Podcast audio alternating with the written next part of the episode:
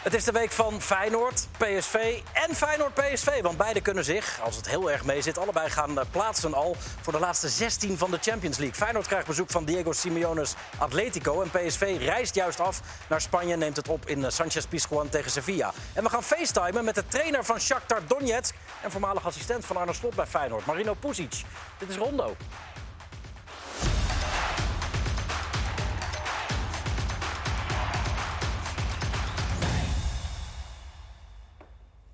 Goedenavond, van harte welkom eh, bij Rondo allemaal. Aan het begin van een hele, hele mooie Europese eh, week met Feyenoord, PSV, Ajax, allemaal in actie. AZ natuurlijk ook nog. Marco van Basten is er uiteraard, Juri Mulder, Galip Boularus en Giovanni van Bronckhorst. Gio, welkom. Dankjewel. Ehm, je, je zou hier ooit bijna vaste gast worden en toen vertrok je naar Rangers.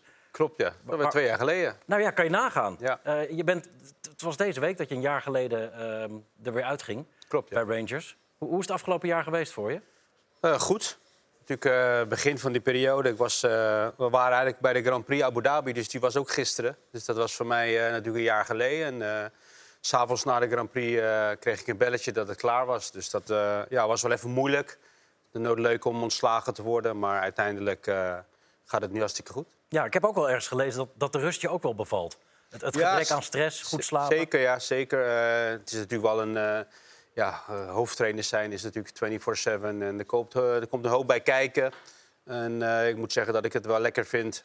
Nu lekker thuis met het gezin. geen stress, gewoon naar bed gaan, s ochtends opstaan met, met geen zorgen.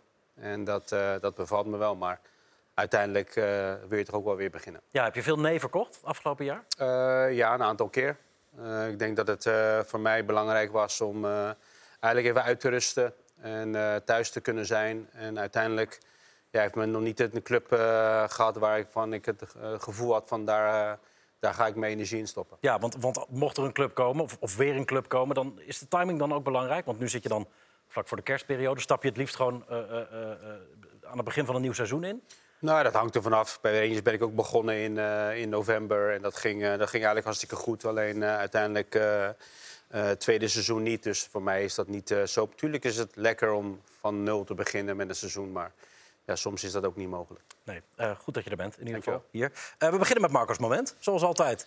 Ja, nou ja, je hebt net even over Max Verstappen eh, gesproken. Tenminste, het ging over. eh, ik wil toch wel zeggen dat hij. eh, mij, Goed is, hè? En dat hij mij ontzettend Heeft hij weer gewonnen? eh, ja, hij heeft weer gewonnen. Maar ik moet zeggen, ik heb er heel veel plezier aan gehad. Het Ja? afgelopen jaar. Ik heb er heel, heel veel naar gekeken. Ik vond het hartstikke leuk. Ik ben helemaal niet zo'n Formule 1-fan, maar het was fantastisch, vond ik. Is, is dat het om- omdat dat bijna ziekelijke winnen van hem jou heel erg aanstaat? Omdat jij dat ook had? Gewoon ja, echt die topsport? Je, je, bent Nederlander en je wordt ook trots op zoiets, vind ik. Dus eh, ja, ik heb, er- ik heb er echt van genoten. Heeft de hele tafel dat? Goeie voor de racecafé misschien. Voor het racecafé een keer. Ja, Marco die schuift wel aan, hoor, denk ik. ja. Je hebt hem eigenlijk weinig gezien. Ja, de eerste gezien. bocht. De eerste Ja, bocht zie je wel. De eerste paar rondjes en dan dat hij over de finish rijdt. Ja, Dat is eigenlijk wat, je, wat je dit jaar gezien hebt van hem. Ja. Maar Maar wat je wel een beetje hebt, Ja, is bij hem, dat vraag ik me nu soms wel eens af. Dat hij, hij, gaat dus de allergrootste worden. Zoals wij het vroeger over Schumacher hadden. En eh nou ja, in mijn tijd was het Alain Prost die alles won. En ja, dus dat is toch wel. Het wordt wel een soort legende. En dat, dat besef je nu toch misschien nog niet helemaal ik wel dus. zo. Ik wel. Ik, daarom, ik, kan er, ik kan er echt van genieten. Hij is echt bijzonder. Ja. Is het ook niet... Ik, ik volg het nauwelijks, hoor. Maar hij wint vrijwel alles. Ja. Wordt dat ook niet een beetje Hij heeft saai? 19 van de 22 wedstrijden gewonnen. Ja, maar dat, dat verzadigt ook een beetje, toch? Dan of niet? Nou ja, het is een uniek seizoen. En het is nu de vraag van, kan hij dat herhalen? Ja, het is wel... Je weet eigenlijk van tevoren al dat hij gaat winnen. Maakt niet uit of hij van eh Pol, Ja, maar goed. derde of achtste... Ja. eh, maar volgend jaar is het weer een ander verhaal. Dan komt er een nieuwe auto, et cetera. Maar genoeg over de Formule 1. Ja, ja, ja, jouw moment voetbal. was voetbal. anders. Nee, het gaat over voetbal.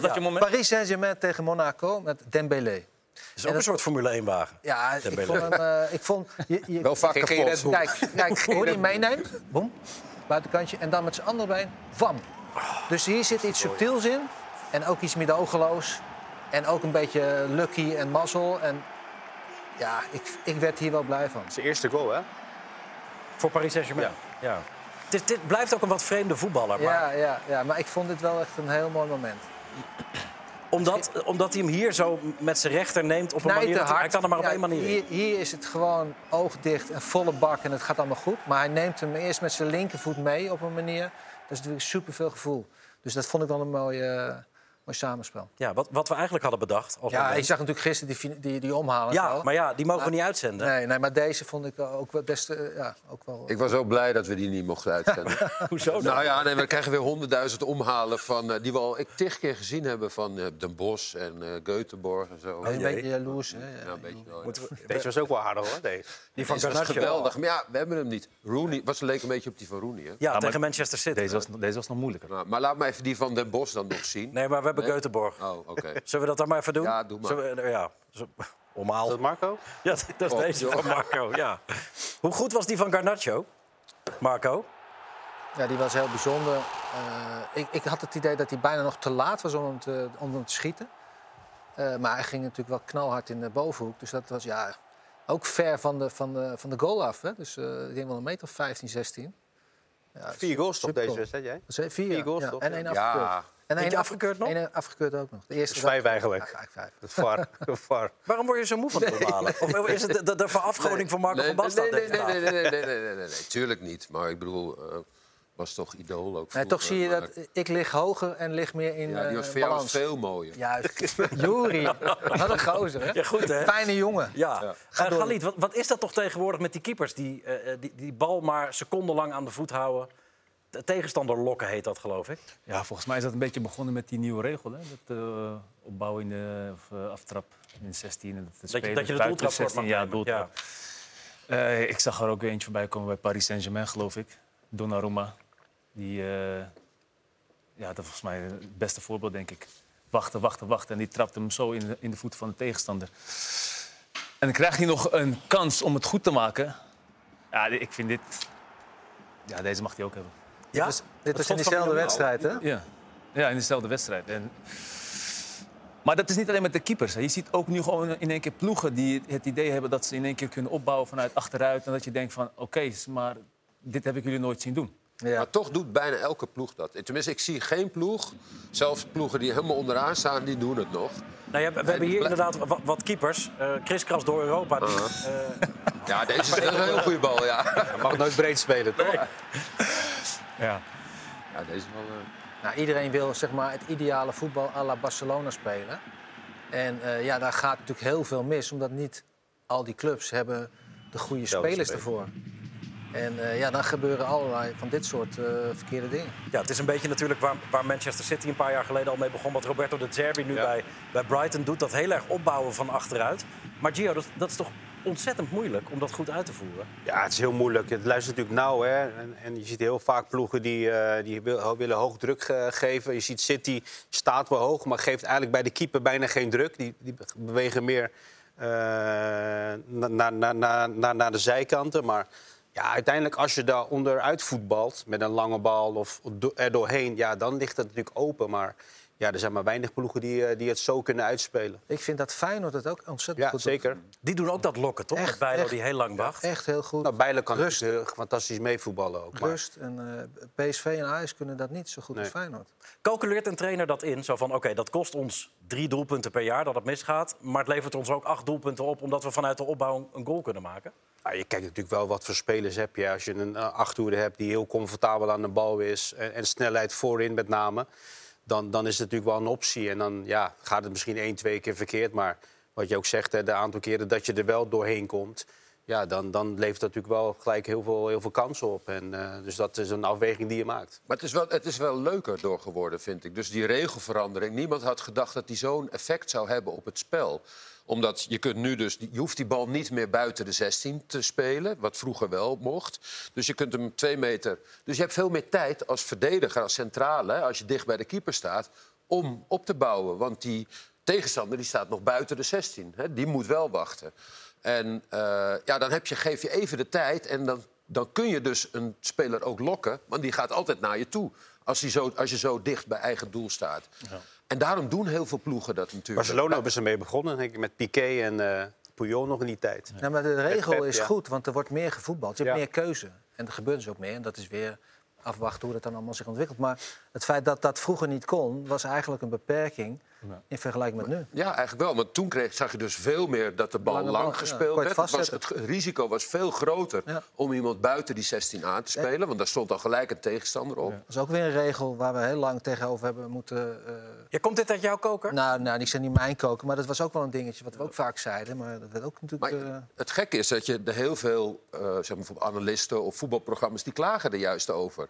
Dat Hè? er zoveel misgaat. Nou, dat het zoveel... Ja, belachelijk dat ze dat doen, want ja, je maakt toch... maar je je maakt het jezelf hartstikke moeilijk. Tuurlijk, maar het ja, is- het voetbal wordt er wel leuker van. het is je eigen keuze. Fouten, Ja. ja. Ja, fouten maakt het vaak leuk. Je- Bij Aston Villa stond die Emi Martinez eh, eh, bij AZ.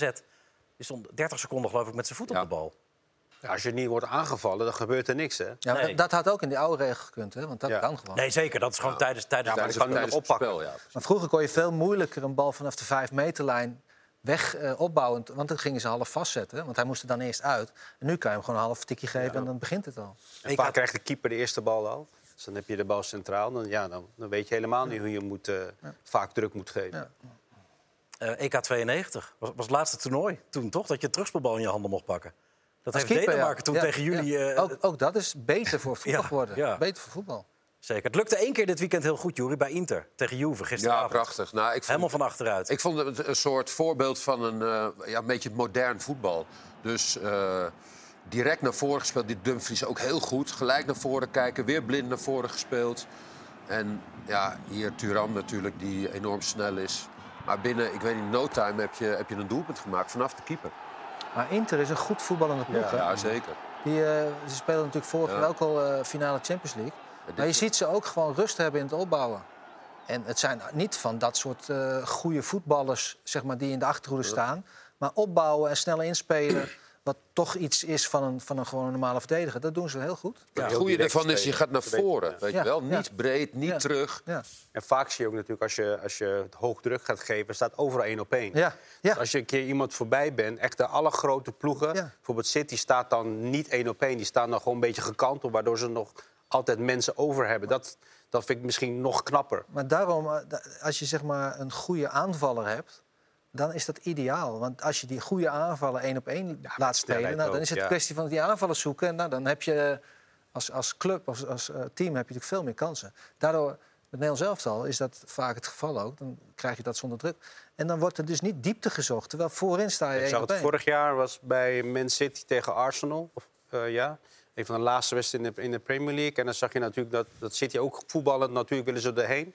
Maar die speelde toen heel direct met Haaland en De Bruyne. En die, dat Arsenal wordt helemaal weggevaakt. Ja, je moet er Gewoon snel, voor hebben. snel de diepe bal. En Ja. Haaland in de diepte houdt hem vast. De Bruyne er overheen. Hoe die normaal eigenlijk niet speelt. Maar Maar dat is het voordeel van als je natuurlijk goede aanvallers hebt. Dan durft een partij, een tegenpartij vaak niet één op één te gaan spelen. Dan heb je uiteraard weer Ja. meer kans om het wel gewoon rustig op te bouwen. Of tenminste makkelijk op te bouwen. Maar het is wel dat- leuker om naar te kijken. Zeker. Hij traint bijna niet meer, hè, Pep, zegt hij. Ik hoor het, ja. Een kwartier. Ja, 12 Ja, ik minuten. moet, ja. ik moet zeggen, de aantal keer dat ik daar was, dan eh, was de dag voor de wedstrijd. Deze meestal alleen rondo en 10 minuten uitlopen. Ja. Wel op de dag van de wedstrijd, s ochtends nog een tactische training. Maar dat is natuurlijk ook Maar zo. eigenlijk niks. Als jij, fysiek eh, niks. Als jij woensdag speelt en, en zaterdag Nee. of zondag... dan is het uitlopen, inlopen, spelen. Uitlopen, Ja, inlopen, hij mist spelen. Natuurlijk vrij, al, heel veel spelers. Hè? Dus als hij nu nog steeds door blijft trainen met al die wedstrijden... met Champions League en Premier League, ja, dan hou je het niemand meer over. Ook, ook met die eh, internationale wedstrijden natuurlijk. Al zijn spelers zijn weg, dus hij, hij, kan, niks, hij kan niks trainen. En die komen ook nog eens laat terug. Die Zuid-Amerikanen komen misschien ook nog een dag voor de wedstrijd. vrijdagochtend pas terug. Ze weten wel wat ze moeten doen allemaal. Ja, heel goed Ondanks zo. dat ze een kwartier Nou ja, en ook in die, in die voorbereidingen kunnen ze ook niet meer trainen. Want dan zijn ze, hebben ze al die toernooien in, het, hè, in, het, in, in, in de Verenigde Staten of in Azië. Ja, of je hebt transferperikelen, dat ze nog niet komen of zo. Ja. Ja. Nou ja, zijn, Maar je ziet dus dat er, dus, de, de, er zijn veel te veel wedstrijden ook. Dus, Kalender te eh, vol. nou ja, gewoon, je moet zorgen dat de Engelse eh, Premier League... dat moeten er niet twintig 20 zijn, maar 18 clubs. En in Spanje 18 clubs. En in Frankrijk zijn ze vorig jaar naar Ja. 18 clubs gegaan. En eh, ja, dat is... eh, Maar- en geen, geen eh, eh, league, Cups, league ja. Cups er nog bij Maar heb je, heb je het gevoel dat het voetbal eronder leidt? Dat het voetbal minder goed is geworden? Nou, door, door al die, doordat je Nou ja, minder je kunt wel, trainen of zo? je ziet wel, zoals Dat gisteren bij Real, niet. met Real Madrid... ze missen zeven spelers of zo. Nou ja, ik, ik denk dat je hebt natuurlijk niet, als je natuurlijk minder wedstrijden speelt, kan je vaker met je sterkste team spelen. Ik heb natuurlijk met Rangers gehad dat we zo'n vol programma hadden, Ja. dat we op een gegeven moment bepalende spelers missen. Ja, dan, dan, en als je teams hebt die dat niet kunnen opvangen... Ja, dan heb je gewoon een minder team waarmee je speelt. Nee, maar in die absolute top, daar hebben die ploegen natuurlijk die selectie zo vol met allemaal topspelers.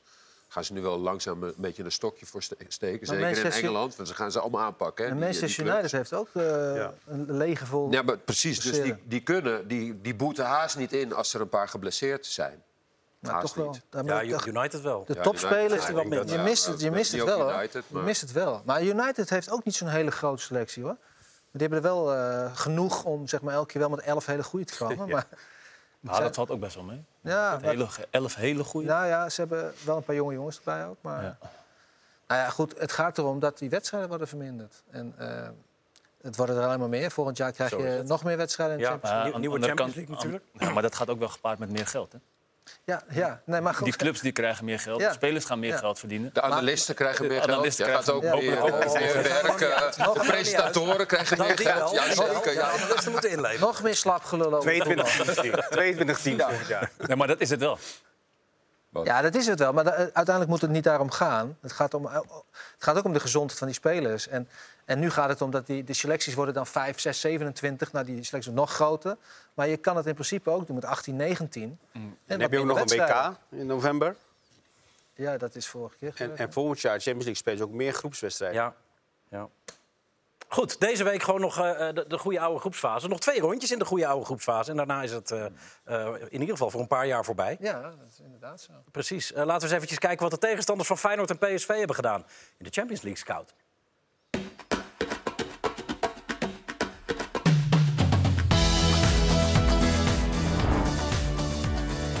Starten in de groep van PSV. Lans doet het heel goed in eigen land en blijft voor de achtste keer op rij ongeslagen. In een knotsgekke en nogal onvriendelijke uitwedstrijd bij Clermont Foot winnen ze met 3-0. Twee rode kaarten en Clermont-keeper Diaw die uitstekend meevoetbalt. Merci 0-3.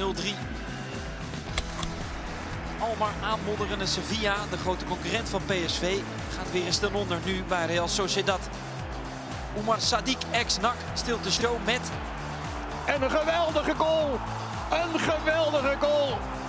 Geweldige goal is het. Sevilla eindigt de wedstrijd met 9 man. Sergio Ramos krijgt voor de 29ste keer in zijn carrière een rode kaart. Kan zijn shampoo delen met Jesus Navas. Mikel Arteta ijsbeert zaterdagavond voor de 200ste keer voor de bank van Arsenal. Jubilaris ziet zijn ploeg worstelen tegen Brentford. Maar het is uiteindelijk de verguisde Kai Havertz die in de dying seconds de winnende binnenprikt. De Gunners staan daardoor weer aan kop in de Premier League. Door naar de troosteloze nummer laatst uit de pool van Feyenoord, Celtic. Ook in eigen land worstelen ze. De boys zien laagvlieger Motherwell in de 90ste minuut nog langs zij komen. Wordt daar 1-1. Lazio gaat al helemaal af als een gieter. Ze verliezen van hekkensluiter Salernitana, dat nog geen wedstrijd had gewonnen dit jaar. Winnende goal wordt uiteindelijk gemaakt door Candreva. Wel een mooie. En de koploper in Pool 1, Atletico Madrid, wint zaterdag op zijn Atletico's. Weinig flitsend, maar dodelijk efficiënt. Antoine Griezmann voor de achtste keer dit seizoen de matchwinner. Goeie kopbal, hè? Ja, en die zijn vandaag dus aangekomen in eh, Rotterdam. De spelers en trainers van Atletico. Morgen om 9 uur begint die wedstrijd. Heel belangrijk voor Feyenoord. Eh, onze Sierte Vos was vandaag in de Kuip en sprak met eh, onder andere Arne Slot. Neem ons even mee in jouw hersenspinsels hoe het zou kunnen verlopen. Nou, ik denk, maar dat is een aanname, dat het morgen voor de wedstrijd heel duidelijk gaat worden. Ik verwacht dat Lazio thuis van Celtic wint. En dan volstaat er maar één opdracht voor ons. En dat is eh, thuis eh, winnen van eh, Atletico, hoe moeilijk die wellicht ook is. Maar dat is dan wel de opdracht. Omdat je dan aan een gelijkspel, naar ik verwacht, niet zoveel hebt. Ehm, maar goed, misschien worden we verrast eh, na, de wedstrijd begint met het resultaat van Lazio en Celtic. Maar ik denk dat de opdracht van morgen niet simpel is, maar wel helder is. Namelijk dat we moeten winnen. Ja, dat is een eh, heldere conclusie inderdaad. Eh, voor de duidelijkheid, om kwart voor zeven speelt Lazio eh, in Rome inderdaad tegen Celtic. Die wedstrijd is helemaal te zien hier bij ons op Ziggo Sport. En het resultaat daarvan neemt Feyenoord natuurlijk weer mee naar zijn wedstrijd. En dan weten ze eigenlijk wat ze moeten doen. Maar, maar, winnen is in ieder geval het meest makkelijk. Jij, bent natuurlijk een Feyenoorder. In iedere vezel. Zeker, ja. Eh, met zoveel ervaring. Overal geweest, trainer geweest, speler geweest. En toch kan ik me voorstellen dat het begint te kriebelen gewoon weer nu. Want nu begint het pas echt. Nou, het is natuurlijk als, eh, ja, als, als wat je zegt, kind van de club, natuurlijk alles eh, meegemaakt bij Feyenoord. En nog steeds ja, voelt het hartstikke goed om Feyenoord te zien spelen. En zeker nu het zo goed gaat. Je bent natuurlijk altijd Feyenoorder, maar het is wel lekker om, om Feyenoord zo te zien spelen. Zeker ook in de Champions League, waarbij ze heel goed spelen. Een aantal keer niet het resultaat hebben gehad wat ze, wat ze zouden verdienen qua veldspel. Maar uiteindelijk nog alle kans om door te gaan. Ja, waarbij Arne Slot ook echt een oproep doet aan de Kuip eh, om erachter te gaan staan. Nou ja, eigenlijk, ja. dat, dat doen ze altijd. Ik denk dat dat er geen probleem is morgen. Nee, want thuis hebben ze twee keer gewonnen. Uit twee keer heel goed gespeeld, maar uiteindelijk niets aan overgehouden. Gaat dat dan echt zo'n verschil maken, die Kuip tegen Atletico, denk je? Gewoon het stadion? Nou, we hebben het gezien eh, vorig seizoen eh, vriendschappelijk in de Kuip tegen Atletico. Dat, daar was het al eh, bijna vechten, einde van de wedstrijd. Maar nu met, met alle belangen op het spel, ja...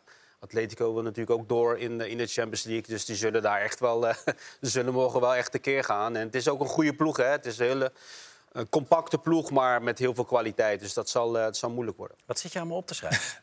Hij zit de hele tijd op Ja, ik te zit even te noteren. kijken. Je de stand nog ja, even, ja, eh, Hij ja. zit te rekenen. Volgens mij als, eh, als Feyenoord eh, morgen gelijk speelt tegen Atletico Madrid... en ze winnen van Celtic, dan zijn zij door... omdat ze een beter doelgemiddelde hebben ten opzichte van Lazio. Dat zou heel goed kunnen. Ik weet in ieder geval dat, dat als ze morgen winnen en Lazio wint niet van Celtic... dat ze dan al morgen door Ja, ja, zijn. maar ik ga ervan uit dat Lazio ook van Celtic zou winnen. Ja. Maar dan klopt het dus niet wat Slot zegt. Nee. Jawel, hij gaat ervan uit dat, dat Lazio geen punten laat liggen tegen Celtic eigenlijk. Dus dan heeft hij... Ja, Dus dan moet je eigenlijk wel winnen.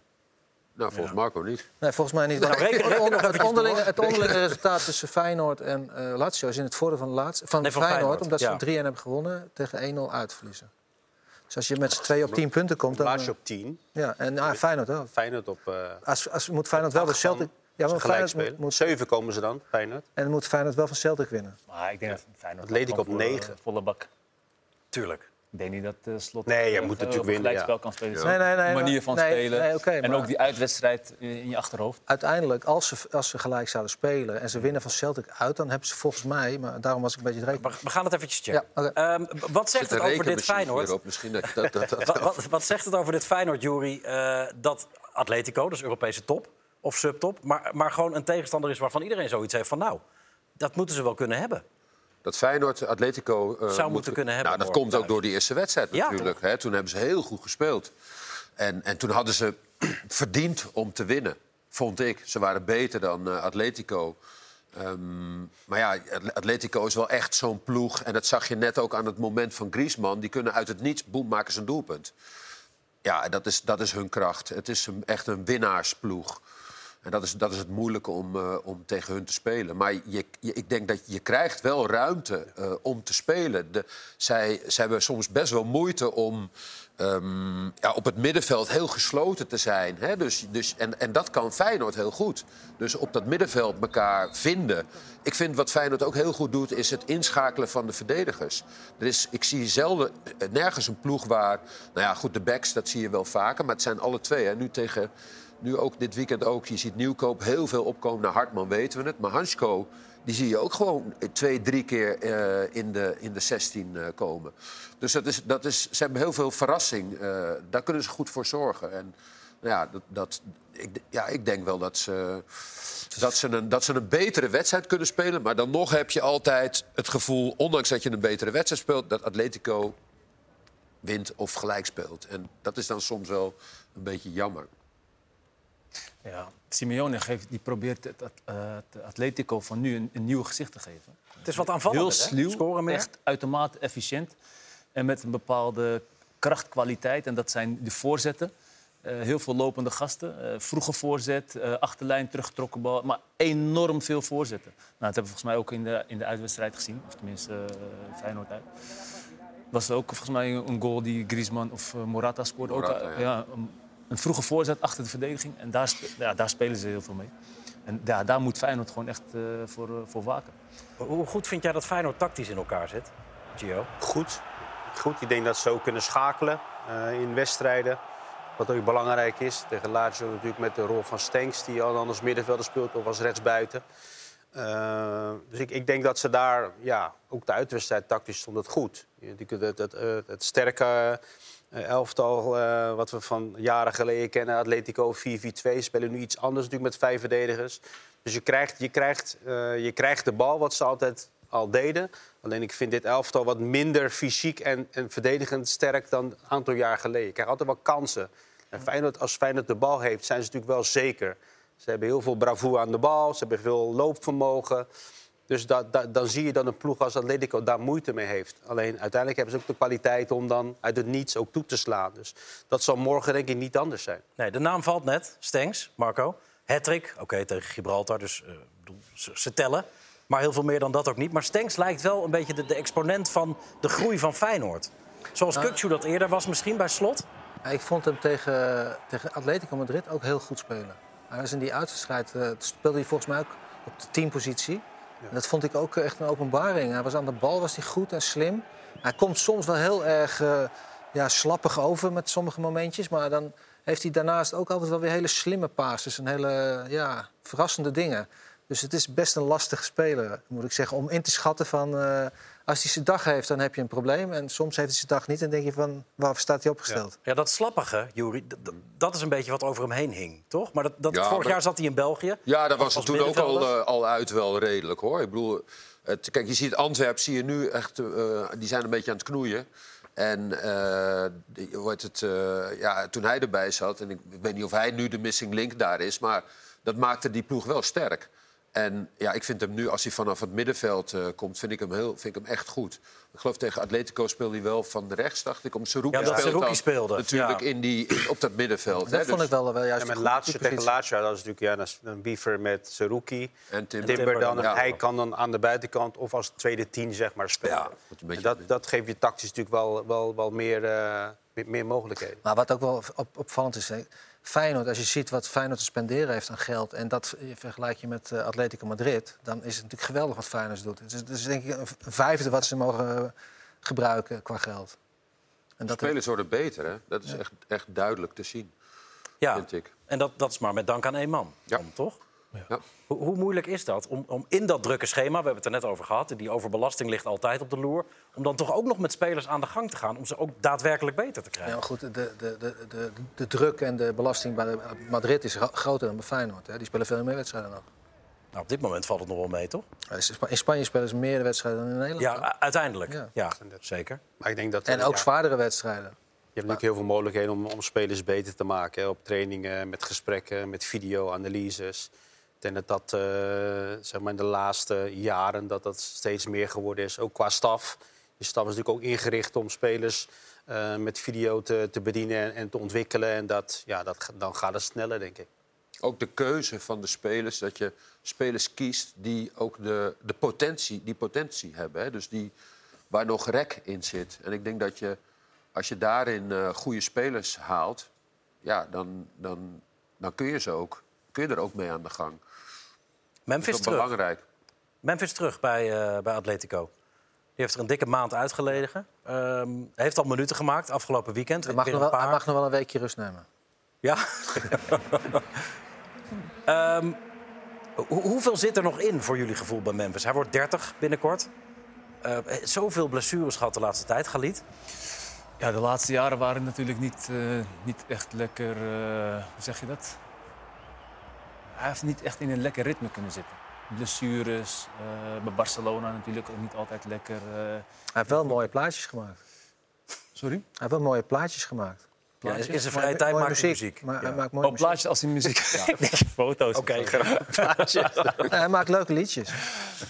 Ja, nee, goed, dat zal ook wel een kwaliteit van hem zijn. Maar ehm, ja, weet je, op die, op die leeftijd dan moet je gewoon zorgen dat je... eh, Dan moet je ook een beetje geluk hebben. Fit blijven, zoveel mogelijk wedstrijden eh, spelen. Ja, en dat heeft hij gewoon niet gehad. En op de, bank, eh, op de bank zitten, blessures. Je komt gewoon niet lekker in je ritme. Dus dat heeft hem zeker niet geholpen. En ja, WK was ook niet, eh, kwam mij ook niet echt uit de verf. Ook niet super fit. En dat is wel, ja, vooral bij het Nederlands elftal is hij iemand die heel graag belangrijk wil zijn. En dat, eh, dat is hem niet gelukt. Nee, terwijl die, eh, hij is onderweg om, om topscorer aller tijden van het Nederlands elftal te worden. Dus de afgelopen jaren heeft hij natuurlijk in oranje zijn waarde dubbel en dwars bewezen, toch? Nee, dat of heeft- niet op de belangrijke momenten, vind je? Ehm, nou ja, ze hebben natuurlijk hier een groot toernooi gemist. En eh, ja, het afgelopen WK, dat, eh, dat, dat kwam er gewoon niet lekker uit. Ehm, Was hij ook ten nauwe nood net niet fit. hè? Hij heeft echt Hij alles ook- gedaan om fit te ja, worden. ja, Ik denk dat heel Nederland wilde ook graag. Hè? En, dan, ja, en, dan, en dan ben je net niet helemaal fit. En dan, raak je, dan is de kans ook weer groter dat je misschien geblesseerd raakt. Ja, het ziet hem wel. Hè? Het ziet hem ook Ja. wel natuurlijk dat hij eh, na zo'n zware blessure eh, er alles aan doet om, om, om erbij te zijn. En dat, dat tekent ook zijn karakter. Ehm, alleen ja, het is wel duidelijk dat het er nog niet helemaal uitkomt. En dan, dan helpen de, dit soort blessures bij club. eh, en dat je niet altijd lekker speelt, zoals bij Barcelona, dat helpt gewoon niet. Nee. Nee. Siert heeft... eh, ehm, sorry, Wel wat dezelfde kapper als eh Stinks. Zelfde kapper. Ja. Ja. Plaatjes, kappers. Druk. En Marco trouwens, die die, let een beetje op de rand staan. Ja, precies. Ja, ja, die ja. kapper van... eh wat is het ook wel? Rood, rood en blauw. Goed, Siert sprak ook nog even met Diego Simeone, onder andere over Memphis.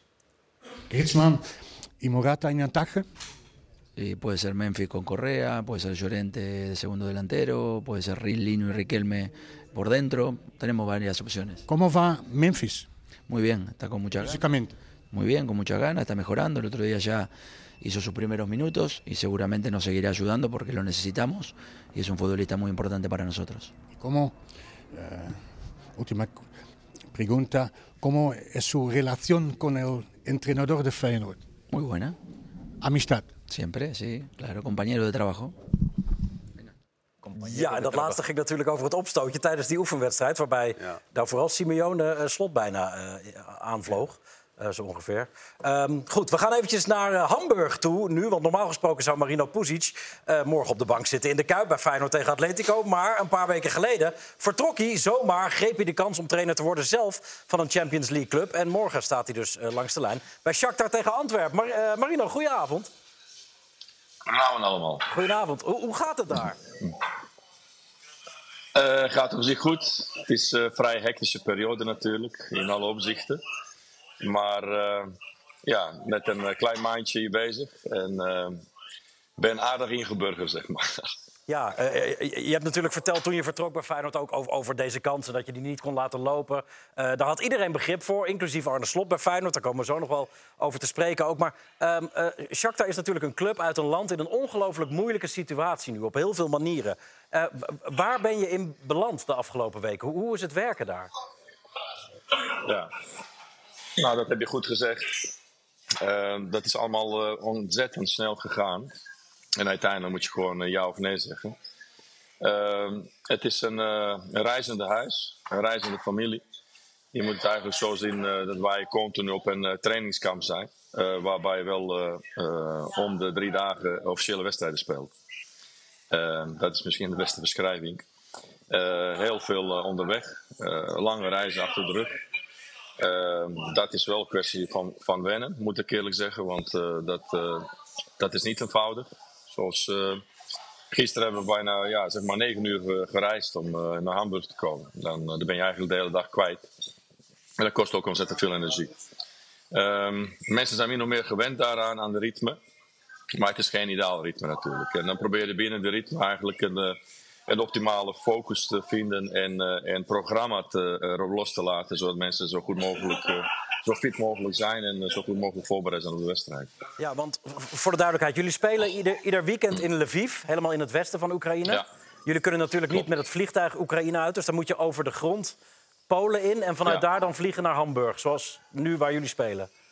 Ja, dat klopt. En dan is het ook heel vaak afhankelijk eh, hoe lang we moeten wachten op, eh, op de grens met Polen. Het is over het algemeen een gemiddelde kleine anderhalf à twee uur lang. Dus dat, eh, dat, eh, die, die, die tijd krijgen we ook eh, gratis erbij, zeg maar.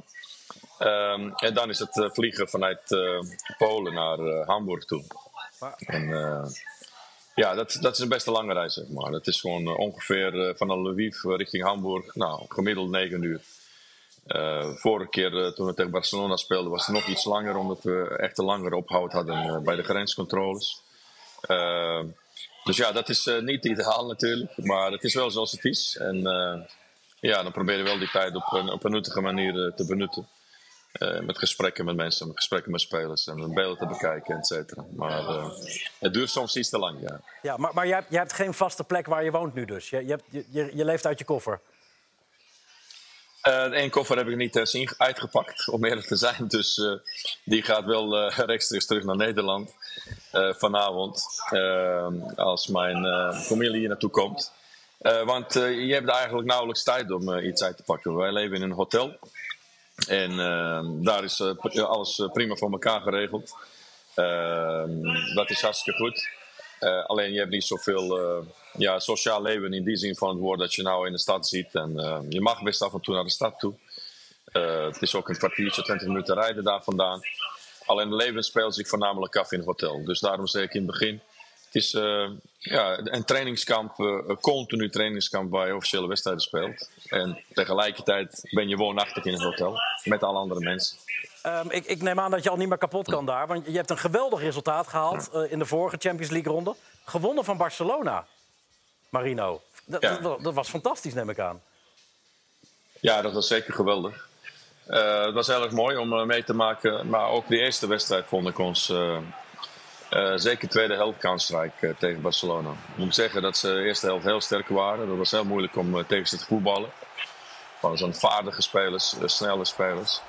Alleen, zoals ik altijd zeg, je moet gewoon met moed gaan spelen. En je, moet gaan bedijveren met, met een tegenstander. En je niet aan de voorkant gewonnen laten door, eh, door de naam en, eh, en de grootte van de spelers. Je, moet gewoon eh, ten volle bak gaan voetballen. En dan, maar dan maak je in ieder geval op mentaal gebied een, ergens een kans om, om resultaat te halen.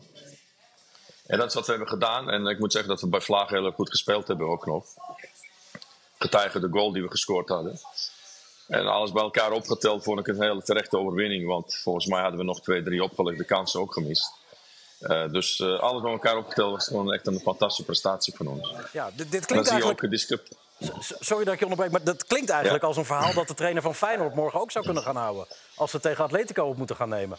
Niet bang zijn, voetballen. Hoe, hoe kijk je naar Feyenoord nu? Nou, dat zijn ze sowieso niet natuurlijk. Zo hebben we ook gespeeld in een uitwedstrijd tegen Atletico.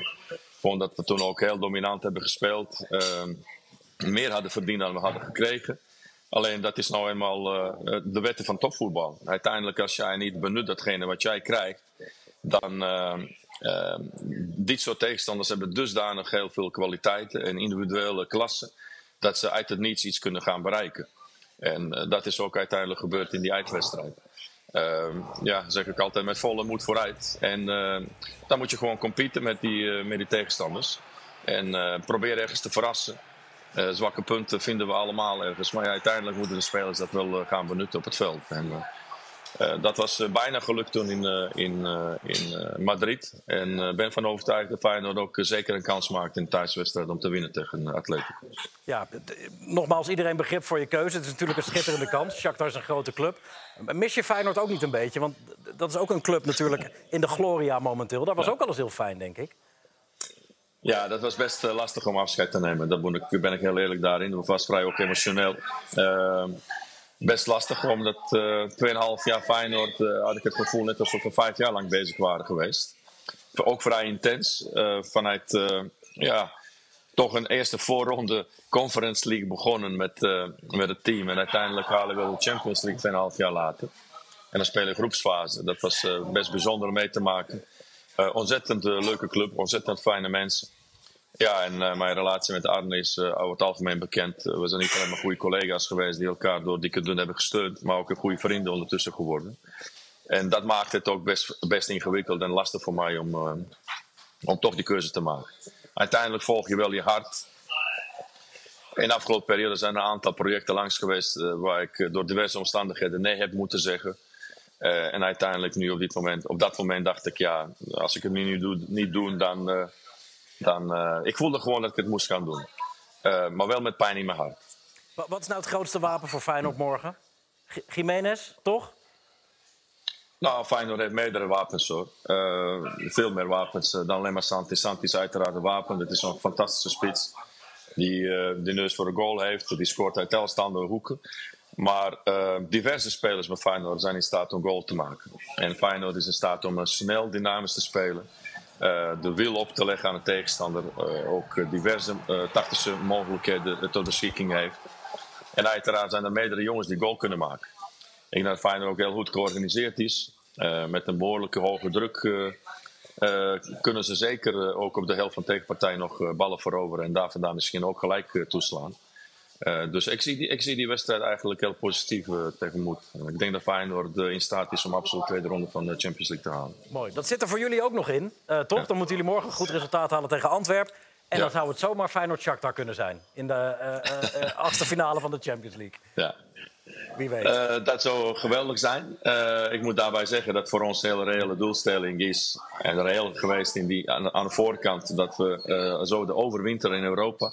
Namelijk in, eh, in Europa League. Eh, alleen ik heb gezegd, eh, als je zo dichtbij bent en nog steeds kans maakt eh, om iets te bereiken, dan moet je gewoon 100% daarvoor gaan. En dat gaan wij morgen ook proberen te bewerkstelligen. Mooi zo. Uh, maar het eerste doel is eigenlijk om, uh, om te overwinteren. Al zou dat fantastisch zijn om uh, dat in Champions League te zijn en de final ergens te gaan treffen. Dat zou geweldig zijn. Mooi zo. Dankjewel Marino. Heel veel succes morgen. Ja. Kwart voor zeven. Uh, Shakhtar tegen Antwerpen. En goed je even gesproken. Bedankt. Succes daar. Bedankt de groetjes allemaal. Groetjes. Doei. Fijne avond. Doei. Bijzonder verhaal toch wel, uh, Marino Pusic. Uh, een rondreizend circus noemt hij het zelf, Shakhtar Donetsk.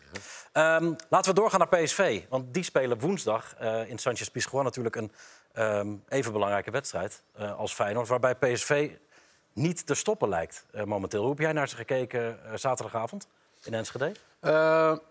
nou ja, ik denk dat PSV op dit moment, ja, ze, ze verliezen niet. En ook afgelopen zaterdag niet. Dat is natuurlijk wel een uitwedstrijd wat vrij moeilijk is. Dat hebben we ook gezien natuurlijk met Feyenoord. Uh, alleen, uh, ja, we zagen allemaal natuurlijk de overtreding uh, van Hilgers. ja, dan is zo'n wedstrijd, is, krijgt gelijk een heel ander gezicht. En dan was het voor PSV denk ik een zaak om de wedstrijd uit te spelen en, en, en, en de wedstrijd te winnen. Ja, deze... ja, hier zie je het nog niet zo goed, hè, maar in de herhaling is... Er komt bijna een dikke seconde te laat. Kijk, zo.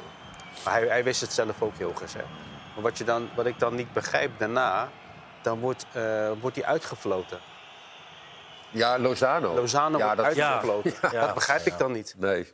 Liefde maakt blind. Elk balcontact wordt hij uitgefloten, net of hij een zwalbe maakt. Of...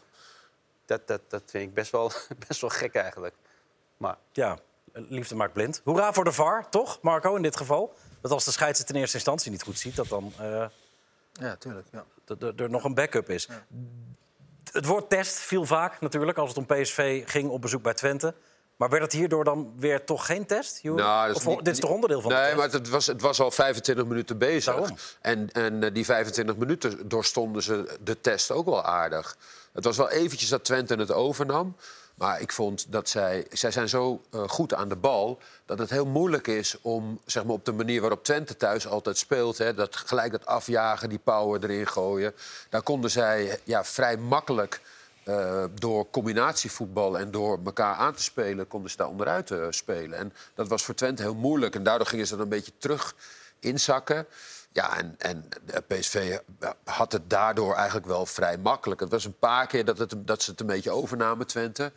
Maar uh, nee, ik, ik vond PSV... Zij zijn gewoon voetballend heel goed, ook van achteruit. En Boskakli die is er weer bij. En dan zie je ook, is gewoon een goede voetballer. Hè? Die is heel lang niet erbij geweest.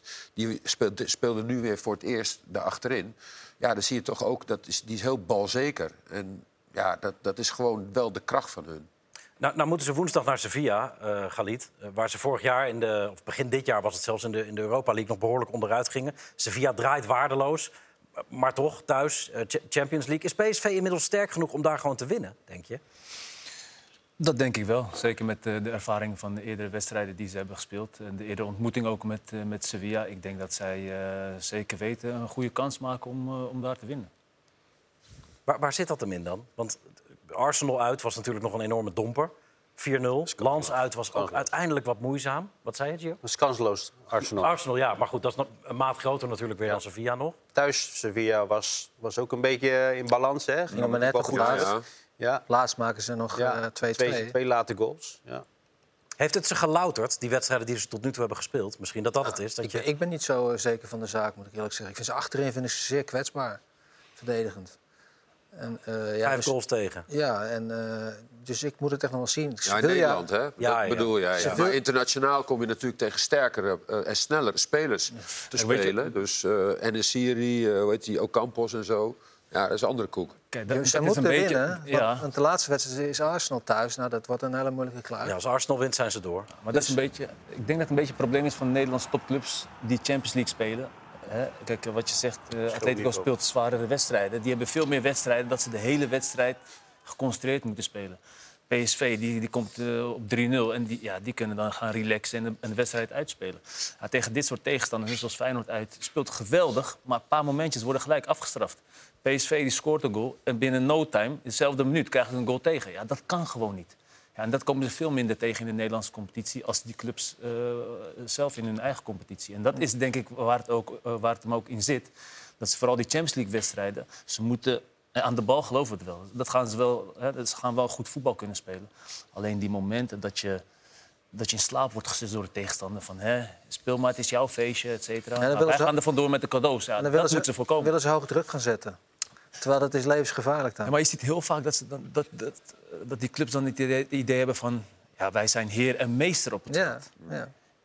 En Want in Nederland zijn ze dat namelijk altijd. ja, wij zijn heer en me- her- Dit Ja. is herkenbaar. Wij, wij domineren en wij gaan het niet meer uit handen geven. En dan in één keer, boem, één koud. Ja, dat En toen gingen ze tegen, tegen Lans ook. Toen gingen ze hoog druk geven. En dan Terwijl ze kwamen- voorstonden. Terwijl, ja, er kwamen twee, drie kansen uit. Denk ik, nou, de- hoe dat goed ging, dat weten ze nu nog niet. Ja. Maar dat was natuurlijk niet slim. Dus daarin moet je compact blijven, weet je Sevilla wel. is nog wel een goed team hoor. Sevilla, Ze je onderschat niet. geleden tegen Real Madrid thuis. Dus speelden ze echt goed. Maar ze staan natuurlijk slecht in de Spaanse Ja, competitie. maar dat zegt ze niet hebben, altijd wat. ze hebben juist extra voor deze eh, com- wedstrijden. Want ze zijn al jarenlang slecht in de Spaanse competitie. En in de Europa zijn ze Cup zijn ze elke keer ja. eh, tot de laatste door. Klopt, ja. Ja. Ja, ze zijn een paar jaar geleden wel gewoon in de top 4 geëindigd. Dus ik hoop, ik hoop dat PSV goed genoeg is om eh, door te komen en punten te vergaren voor Nederland. Maar ik, heb dat nog, ik ben er niet zo zeker van de zaak. Ik heb meer vertrouwen in Feyenoord, moet ik eerlijk zeggen. En bij PSV zit het hem dan dus achterin. Ja, dat je vind het, ik wel. je, je hebt over Ramaljo wel eens gezegd dat je daar niet heel erg van onder de indruk Nee, bent. nee, nee, ik vind ze verdedigend vind ik ze kwetsbaar. Ja, eh, zondag is het Feyenoord-PSV natuurlijk in de competitie. Waarbij de geluiden nu dan klinken dat als PSV daar niet verliest... dat we dan al klaar zijn eigenlijk qua schaal uitreiken. Nou, Ja. Dat denk ik niet. Maar Welke wedstrijd? Niet verliezen niet. Zo- Wel, als ze Winnen. dan, eh, dan is het 10 10 punten. punten is natuurlijk wel Ja. veel voor Welke wedstrijd heb je Nederland. dan? PSV Feyenoord. PSV Feyenoord. Feyenoord PSV. Feyenoord thuis. hè? Ja, Ja. zondagochtend. Net middag, kwart over twaalf geloof ik. Ehm, maar als PSV wint is het klaar, zeg jij, Juri. 10 punten. Vind ik wel, eh, dan is het wel... eh, en ook met het spel wat zij, dat zij spelen. En met, nou ja, dat noemen ze dan de, de aanvalskracht die ze vooral hebben. Vooral in Nederland. Want je hoeft in Nederland hoef je niet, aan het verdedigen hoef je niet zo heel veel te denken. Maar als je al die spelers hebt wat zij hebben... Bakayoko, eh Maar vind je Lozano... PSV zo goed dan? Ja, nou ja, aanvallend in, voor in Nederland wel. Ja, maar je Ja, speelt tegen Feyenoord. goed? Speelt tegen Feyenoord. Speelt Jawel, tegen, maar, eh, nee, maar als we ervan uitgaan dat zij winnen tegen Feyenoord... Ja, ervan uitgaan. Ja, Nee, maar dat mij is vraagt het- de vraag is, is eh, zijn ze in staat om van Feyenoord te winnen, toch? Dat is de vraag. Ja. Ook. En, en als ze dat doen... Als, ze, winnen, als ze dan dan winnen, kampioen worden. Als ze winnen, ja, oké. En als ze verliezen, dan worden nou, ze geen... En als ze gelijk spelen, dan hebben we alle kans. Acht jij PSV om te, om, eh, in staat om te Nee. winnen in de Ja, Kuip? ik acht ze wel in staat. niet zou wel maar ik- als je mij vraagt van wie geef je meer kansen, zeg ik Feyenoord. Vorig jaar stond het 0-2 volgens mij. Nou, heel lang. En toen de laatste 10 minuten Ja. 2-2. Ja. Tegen 10 man, volgens mij. Ja. Ik hoorde tien. Bakayoko, eh, het feit dat hij mee mag doen zondag... Ja, dat Ja, een kaartje moet die tweede hebben. gele kaart die hij niet krijgt. Eh, is iedereen het erover eens dat hij gewoon geel had moeten krijgen, punt geschorst had Ja, moeten natuurlijk, is toch gele kaart. Ja, en hij, en hij, de scheidsrechter die grijpt al naar de gele kaart in zijn zak, hè? Maar die, hij laat het dan gewoon, omdat hij denkt... oh, dat is de tweede. PSV'er. Fey- Feyenoord. Nou ja, je zou ook kunnen zeggen van eh, eh, fluiten in de geest van het voetbal. En oh, hij bedenkt zich, het is in de 93ste minuut. Nee, ik vind gele Geel kaart... is geel. Ja, Ja, punt. ja, vind ik wel. Je moet het zo vasthouden. Marco twijfelt? Ja, je hebt, je hebt ook wel momenten in de wedstrijd. De ene wedstrijd, de andere wedstrijd niet. Maar ja, daarin ligt het een beetje in het midden. Ja, Nee, maar omdat je, je zou ook kunnen zeggen inderdaad van... nou, dan kan Bakayoko meedoen zondag. Dat is toch goed voor het voetbal? ja voor, de, voor de toeschouwer wel, ja. Ja, nou Misschien ja, wordt Langbaal in plaats van hem. Sowieso. dat zou ook nog kunnen, natuurlijk. Maar Ja, ik het, denk klopt, niet... het klopt toch niet? Ik bedoel, hij, hij, hij, hij begaat toch een fout? Hij, maar worden- Waar een gele kaart voor gegeven moet worden. Ja, maar- Dus Feyenoord wordt dat toch hier benadeeld dan? Op Het is zich? wel vaker natuurlijk Maar wat hoe vaak- zegt. hoe Het is vaak gebeurt zoiets? gebeurt natuurlijk Nee, vaak. maar hij, hij wilde hem echt geven. Want als je die beelden ziet, je ziet hem echt grijpen naar die zak. Ja. Maar soms gebeurt het ook in de eerste minuut en dan doen ze het ook nog niet. Want dan zeggen ze, ja, het is nog Ja, een- dat vind jij goed. Nee, ik zeg niet dat ik het Ja. goed vind, maar ik zeg alleen maar dat komt voor. Want dan wil zo'n scheidsrechter niet gelijk al in de eerste minuut iemand Ja. een gele kaart geven. Ja, maar geel is toch gewoon geel? Ja, Zonder oké, regels ja, moet je maar volgen? Dat is waar. Maar hoe Ja. vaak gebeurt het in de wedstrijd dat dat dus niet gebeurt? Heel het- vaak. Dat het vaak gebeurt wil niet zeggen dat het goed is. Nee, ik zeg ook Nee, niet dat het goed is, maar maar het gebeurt wel vaak. Ja. Nou, dat is een beetje de vraag van de discussie, toch? Van, eh, moet je als scheidsrechter heel strikte regels volgen of af en toe een oogje toeknijpen? En vraag B is dan of dit een situatie was waarin je dat had Maar moeten waar moet je dan een oog toeknijpen? Nou ja, Waarom inderdaad, door, dan? door maar- ja, ja. als het... Nee, maar, ja. Zeg het maar, ja. Het is, je kan ervoor zijn of tegen zijn, ja. Nou, je moet wel volgens de regels eh, fluiten. Maar je hebt natuurlijk altijd een gevoel.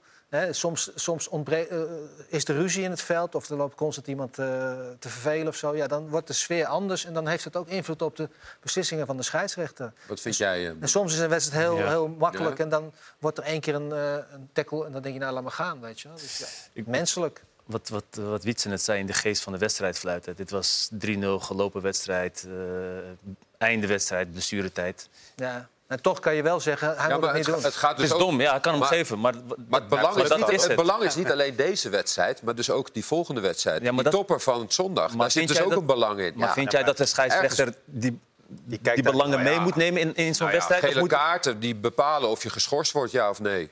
Dus ja, dat is, het is van belang. Maar denk je dat de scheids dat weet?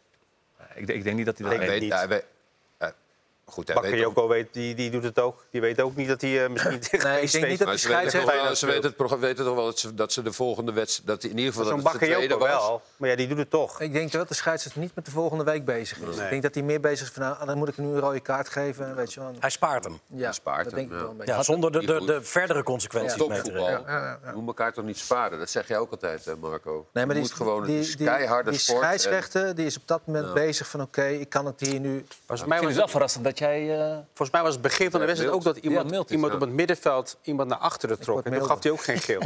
begin van de wedstrijd. Ja. Ik word ook wat ouder, ik Met word een wat eh, milder. omschakelmoment. Ja. Ben je nou milder? Ben je al uit die rekensom eigenlijk? Ja, ja, ik had, het, ik had geen gelijk. Nee, Nee, niet. Nee. Helaas. Weer opnieuw rekenen. Eh, Ajax, iets vrolijker. 5-0, Vitesse. Of is er nog geen reden Nou ja, tot... dit was ook maar- tegen nummer 18, hè? Ja, Dus ja. Wat ik wel frappant vond, is dat die, die, die jongen, die linksback, die heeft nu drie, Marta. die heeft drie keer gespeeld en drie keer wonnen ze. Twee keer stelt hij hem niet op, verliezen ze. Zou die jongen zoveel invloed hebben? verliezen? wat denk je? Nou ja, ik denk het wel. Statistisch gezien wel. Ja. Ik denk wel. Dat het, Maar, eh, maar waar, op, op, op het spel echt? ja, dat denk ik echt. Ja. Dat hij al heel belangrijk is voor Ajax. Ja. Marta, zo belangrijk, denk je, Gio? Nou, het is wel, het is wel een, eh, een moderne back. Een jongen die naar- naar voren wil. Zeker in de combinatie met Bergwijn aan de, aan de binnenkant. Hij had hem natuurlijk centraal nu. Dus ja, ik denk dat het, het is wel een, een jongen met toekomst. speelt hem twee keer niet op en twee keer verliezen ze. Daarom, dus ik denk dat En hij nu vijf wedstrijden hebben ze gespeeld. Eén één keer gelijk tegen Almere. Oh ja. Die andere verloren ze tegen Maar Brighton. die deed hij ook niet mee, hè? Dus, Nee, eh, klopt. Dus puntverlies in ieder geval. Ja, nee. oké. Altijd opstellen dus, Marta. Ja. Naast Hato, die 17-jarige, eh, maakt zijn eerste goal. Debuteert voor Oranje. Mooie week voor de jongen. Dit is ook wel een beetje het Ajax-voetbal, toch? Zo'n inschuivende centrale verdediger. Was wel iets meer van te zien al. Nou ja, hij ging inderdaad veel meer naar voren. En het was ook nog zo, de Rens, die stond nu Die centraal ging, die verdediger. ging ook heel vaak zeg maar, op tempo. eh, Nou ja, ze speelden wel eh, zeg maar, vrij uit. Soetelo die deed niet mee. Geblesseerd. Eh, dat was dat toch, minder. dat Ja. was toch de, de grote aankoop. En zonder de grote aankoop hebben ze toch vrij goed gespeeld. Maar dat is wel een beetje inderdaad het Ajax-voetbal of zo. Hè? Dus centrale verdedigers die heel erg... Vroeger had je Rijkaard, die dat... eh, Blind, ja, Blind. Fink, die weet kan ik ook nog wel. Die stak altijd dat hele jongens die, die hebben er toch jaren gespeeld. Maar ze hadden die- trouwens ook wel mazzel. Want die eerste goal die, die Vitesse maakt, dat was eigenlijk gewoon een zuivere die 1-1, goal. ja. Dat- Ja, dan wordt het een ja. lastig verhaal weer. Ja, hè? dat- Maar, maar Maar- Vitesse hielp ook wel mee om, een, om er een mooie middag eh, van te maken voor, eh, voor Ajax. Hoor. Ik bedoel, eh, als je kijkt naar de loopacties die de middenvelders van Ajax maken... als open huis, achterste linie, dat was echt niet normaal. Ja, dan- Sturing had het nog niet op orde. Nee, maar dan, als, je, als, je, als je op die manier verdedigt, ook nog eens uit bij Ajax... Ja, dan verdien je het eigenlijk wel om op de laatste plaats te staan, om het zo maar even te zeggen. Want het was echt, echt open huis. Ajax moet donderdag iets meenemen uit Marseille. Eh, dat, dat zelf ook niet al te lekker draait. Steeds dieper wegzakt. Ook weer een nieuwe trainer heeft. Valt er wat te halen, denk je, Juri? Pepernoten. Pepernoten? nou, ja. Nou ja, nee, ja, het is, dat, dat is denk ik wel, eh, is wel een moeilijk verhaal, eh, denk ik. Maar goed, je ziet Ajax wel, er zit wat meer, er zit wat meer spelvreugde en zo in, denk ik. Hè? Dus wat, eh, en natuurlijk komt het, ik zie, ik zie Taylor hier in beeld, die was, eh, die was echt goed. Die leek er weer een beetje doorheen te komen. Bobby deed niet mee, hè? Eh, nee, Bromwich is geblesseerd. Maar, en, en, en zijn vervanger die is, eigenlijk, die is best wel goed. Die is, die is, weet je, die heb, daar heb je misschien daar ook wel wat aan. Dat is echt een doelpunt te maken. Nou, als een doelpunt te maken is veel meer een eindpunt. En ik vind soms met Brobby dat hij... Hij wordt heel veel als aanspeelpunt gebruikt. Maar ja, de vraag is of dat... Dat, dat maakt je ook wat, eh, wat makkelijker... eh, dat, dat je... Ja, dat de tegenstander ook weet hoe je speelt. Weet je wat? Het is altijd Brobby aanspelen en dan komt de derde man Een eronder. combinatie ervan het beste. En een combinatie daarvan is het beste natuurlijk. En dat heeft ja, een Akpom. En dan gaan ze, Akpom is gewoon meer een, een voor voorzetten. Die kan geweldig koppen. Kijk, die maakte ook in eh, vorig jaar in de Championship maakt die 28 goals. 28 goals. Nou, als je daar eh, zoveel goals maakt, dan moet je in de Eredivisie, zeker bij Ajax, ook gewoon heel veel goals kunnen Ja, maken. keren dat hij inviel, viel hij als tien in met Brobby. En dat, Ja. dat ging ook wel goed Ja, ja, samen. ook wel, ja. Ik denk dat, dat Brobby dat ook wel kan gebruiken. Dat hij een tien heeft waar hij zeg maar, mee kan spelen. Weet je? wel. Het balletje terugleggen, hij erover. Die- dat, dat gaat Het is met samenspelen. Robbie soms wat makkelijk verdedig, verde- te verdedigen of zo. Ja, maar als, dat... als hij hem dan terug kan leggen op hem, en die Ja. komt, Ja. heb je iets. Want hij staat vaak alleen, hè, Brobby? Ja, ik vind, ik Ja, vind de middenvelders ook wel wat, eh, wat, wat dynamischer speler. Ook wat, eh, dat ze gaan er meer overheen en voorheen. eh, onder Stijn, ik, ik ga hier niet zeggen dat het aan Stijn lag, maar... Dat Toch wel een beetje? Nee, nee, nee zeker niet. Maar eh, dat vind ik juist frappant van goede voetballers. Dat ze onder bepaalde trainer bepaalde dingen niet doen. En dan komt er een nieuwe trainer en dan lijkt het opeens alsof ze heel goed zijn. Ja. Eh, want toen was, het, eh, toen was het spel heel statisch. In de bal breed spelen en blijven staan. En nu zie je spelen, bewegen, spelen, bewegen. Ja, dat, dat valt mij wel op. Goed, eh, Ajax donderdag, eh Feyenoord morgen, eh, PSV is woensdag aan de beurt. Wij gaan even snel nog aan het einde van deze uitzending naar de grensverleggers.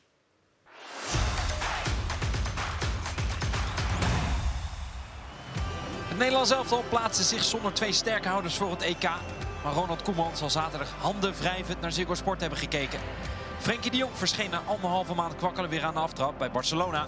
Dat dure punten weggaf tegen Rayo Vallecano. Balde, doelpunt. Lewandowski draait Barcelona het dan om. Nee, want het werd uiteindelijk 1-1. Memphis is ook alweer terug van de blessure. Hij mocht 10 minuutjes meedoen tegen Real Mallorca. Memphis dan. Komt rakelings naast.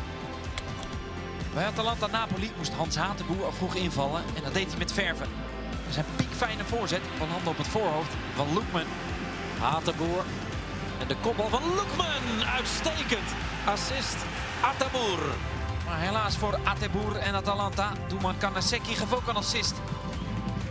Aan Napoli. Oh, Osimhen. En binnentikken, Elmas. Ja, natuurlijk. Oi, oi, drie maanden droogte was uiteindelijk weer eens raak voor Emmanuel Emega. Voor Strasbourg maakte hij een goal tegen Marseille. Stefan de Vrij en Denzel Dumfries namen het op tegen Juventus in de derby dell'Italia. En Dumfries stond aan de basis van de prachtige 1-1 van Lautaro Martinez. Turan, kan hij erbij? Ja, daar kan hij altijd bij. Bremen moet nu ingrijpen. Daar komt Lautaro. En het is ook een schitterende goal. En Inter is weer terug aan kop. Slotoffensief. En van de grensverleggers door naar het slotoffensief. Dat betekent korte vragen, korte antwoorden. Bestond twee jaar geleden nog niet, geloof ik, toen je hier voor het laatst was. Eh, Kan me Gio. niet herinneren. Het is, het is heel simpel. Het is heel simpel. Dit is al veel te lang antwoord. Echt, hè? Toch? Dit, dat, daar Oh, absoluut. dat- ja of nee? Of wat? Je hebt een cameraman die je heel grappig vindt. Dat is mooi. Eh, wie is de beste assistent-trainer die je ooit hebt meegemaakt? Bert Verlingen. Bert van Lingen. Bij Oranje. Ja, ik mag me niet meer zeggen, dus eh moet kort Heel zijn. goed, kort antwoord. Ja. Voor mij eh Eddie Achterberg bij eh, FC Twente. Altijd goede sfeer. eh, daar kon je, al- als je zeg maar ook een keer, als het even niet goed ging, dan kon, kon je daar altijd even bij terecht, weet je wel. Wel een heel lang antwoord, hoor. Nee, ja, maar jij geeft af en toe ook wel lange antwoorden trouwens. Dus, eh, maar eh, nee, Eddie, Achterberg. Achterberg. ja. Poela? Eh, oeh. Ja, ik heb, een paar. Ja, ik heb nooit problemen gehad met die assistent-trainers. Dus, ja. Nee, maar heb je Gio dat bij Feyenoord was, eh, Oh ja, was, nou. was prettig samenwerken. Van het schip bij Oranje. Eh Eddie Waarom zeg je mij dat niet dan? Ik zeg dat toch? Oké. Wij ik, begon, met- ik begon met jou. Jullie zijn alle vier assistent geweest, toch? Ja. ja. Is, is dat niet een eh, veel, veel lekkerder vak, eigenlijk? Lekker een beetje uit de wind. Ik wou dat nog voor wel. Iets relaxter. Relax, ja, ja. Iets relaxter, ja. Ja? Wie is jouw beste assistent ooit die je hebt meegemaakt? Eh, Henk de Katen, Barcelona. Assistent van Frank Rijkaard, Ja. natuurlijk. Ja. Ehm, als je met één speler van carrière kan ruilen, Jury, wie zou het zijn? Oeh, dat vind ik moeilijk. Nou ja, goed, de allerbeste dan eh, toch gewoon. eh, Marco? Dat hangt Nee, niet Marco. Nee, Marco is veel te eigenwijs. Nee, eh, nee ja, weet ik niet. eh, ja, Moeilijk, nee. Vraag me even iemand anders. Het is makkelijk om te zeggen Ronaldo of zo, of Messi of zo. Xavi. Xavi. Xavi, Ja. Alles winnen, maar toch lekker in de luw te leven. Goeie. Ja. Gio?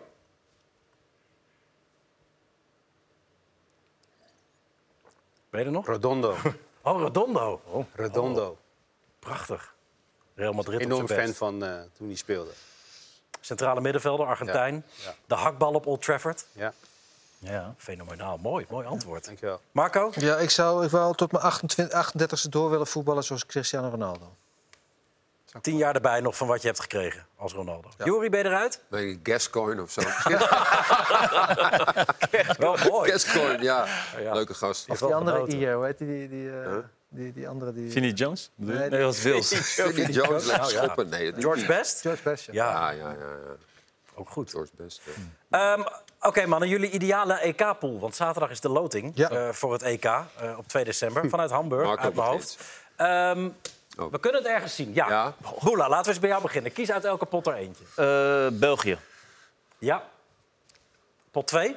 Eh, pop, pop, pop, pop, poef. Eh, eh, Albanië. Ja. En pot 4? Eh, dan zou ik zeggen, eh, ja, Wils, als, ze als ze zich kwalificeren. Is goed. Gio? Frankrijk. Frankrijk, vroeg al in het toernooi. En dan zien we ze in de finale weer. Ja. Ehm, Hongarije. En Zwitserland. Zwitserland. Marco? Duitsland, Duitsland? Oostenrijk en die Schweiz. Duits georiënteerd. Leuk. Ja. Nee, ik neem maar Spanje, want daar hebben we natuurlijk ooit eens een goede wedstrijd tegen gespeeld in de poolfase. En dan eh, Roemenië. En eh, nou ja, een van die, eh, ik bedoel, ja, ja. Marco kent al die vlaggen, toch? Israël. Die vlaggen ben je goed, toch? Isra- Israël of Oekraïne. Oké. Dat Goed. We gaan dat zien. Aanstaande zaterdag eh, is eh, de loting. Eh programmakaart, hoor ik nu al mooi. Dit is wat we de komende dagen allemaal gaan doen op eh Ziggo Sport. Ja, daar is hij morgen. Kwart voor zeven. Belangrijk dus, heel belangrijk voor eh, Feyenoord. Lazio tegen Celtic.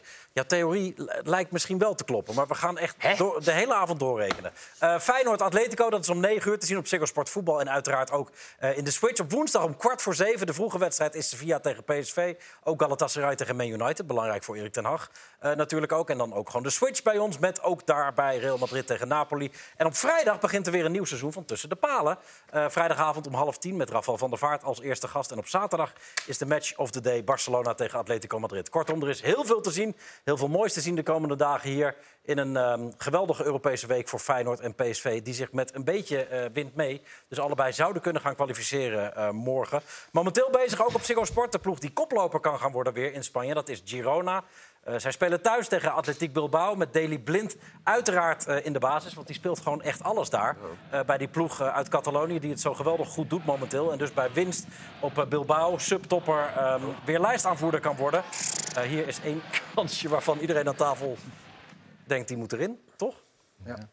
Maar die gaat er niet in. En dan staat het nog 0-0. Dat allemaal na crashen in de keuken. Want dat zit hier na ons. En dan pakken we daarna nog een staartje van Girona tegen Bilbao mee. Heb jij nog een vraag? Ja, toch nog meer vragen, of niet? Ja, ik heb heel veel vragen. Slotoffensief. Hoe noem ik je terug? Ja, maar ja, we zijn over de tijd. Ja, dat is een beetje... Marco moet, Een beetje Marco moet nog even uitleggen. lange antwoorden. Wil je er nog eentje? Eentje voor Ja, man. Ja, wie gaan er door in de Champions League? Feyenoord, PSV of allebei? Of allebei niet? Nee, dat is geen leuke vraag. Je hebt, ook, je hebt nog meer vragen. Welke wil je? Want je hebt ze gelezen. Welke wil je? Even kijken. Wie liet zich altijd als eerste opnaaien tot een hele wilde tackle in een ronde? Dat wil ik weten. Oké. Van de gast aan tafel. Ja, en bij jou? Eh, ja, mezelf. Verrassend. Jij? Boularus. Marco? Edo Ophof. Edo Ophof, die werd wild. Ja? Juri? Bij ons was dat de trainer als hij meedeed, Theo Vonk. Oh ja? Ja, die, eh, die was die, eh, Die ging zijn eigen schoppen. spelers Ja, die ging schoppen. Ja? Ja. Mooi. Ben je nou happy, eh, Boela? dus het kan, het kan wel. Ja, het kan wel, maar het wordt weer te laat allemaal. Goed. Het loopt weer uit. Dankjewel. Marco, dank. Juri, dank. Ja. Galit, dank. En speciale dank aan Giovanni van Bronckhorst. Morgen in de Kuip, Manchester. United. Zeker, ja. Heel goed, eh, veel plezier daar. Jullie allemaal dank voor het kijken. En heel graag tot later. Morgen dus woensdag Champions League tussen de palen. Het komt allemaal voorbij. Dag. Laten we even gaan uitrekenen dan of het klopt of niet. Laten we even gaan uitrekenen of het klopt. Dat gaan we nu uitrekenen. Sergio Ramos mag dan wel 37 zijn, maar hij bewees dit weekend dat hij het nog steeds in zich heeft. In de wedstrijd tegen Real Sociedad wist de kaartenmeister weer rood te pakken. He has still got it! Mensen oordelen veel te snel. Ze roepen dat je te oud bent om nog iemand doormidden te zagen. En natuurlijk, ik had dit seizoen nog geen rood gepakt. Maar schrijf deze ervaren rot nooit af.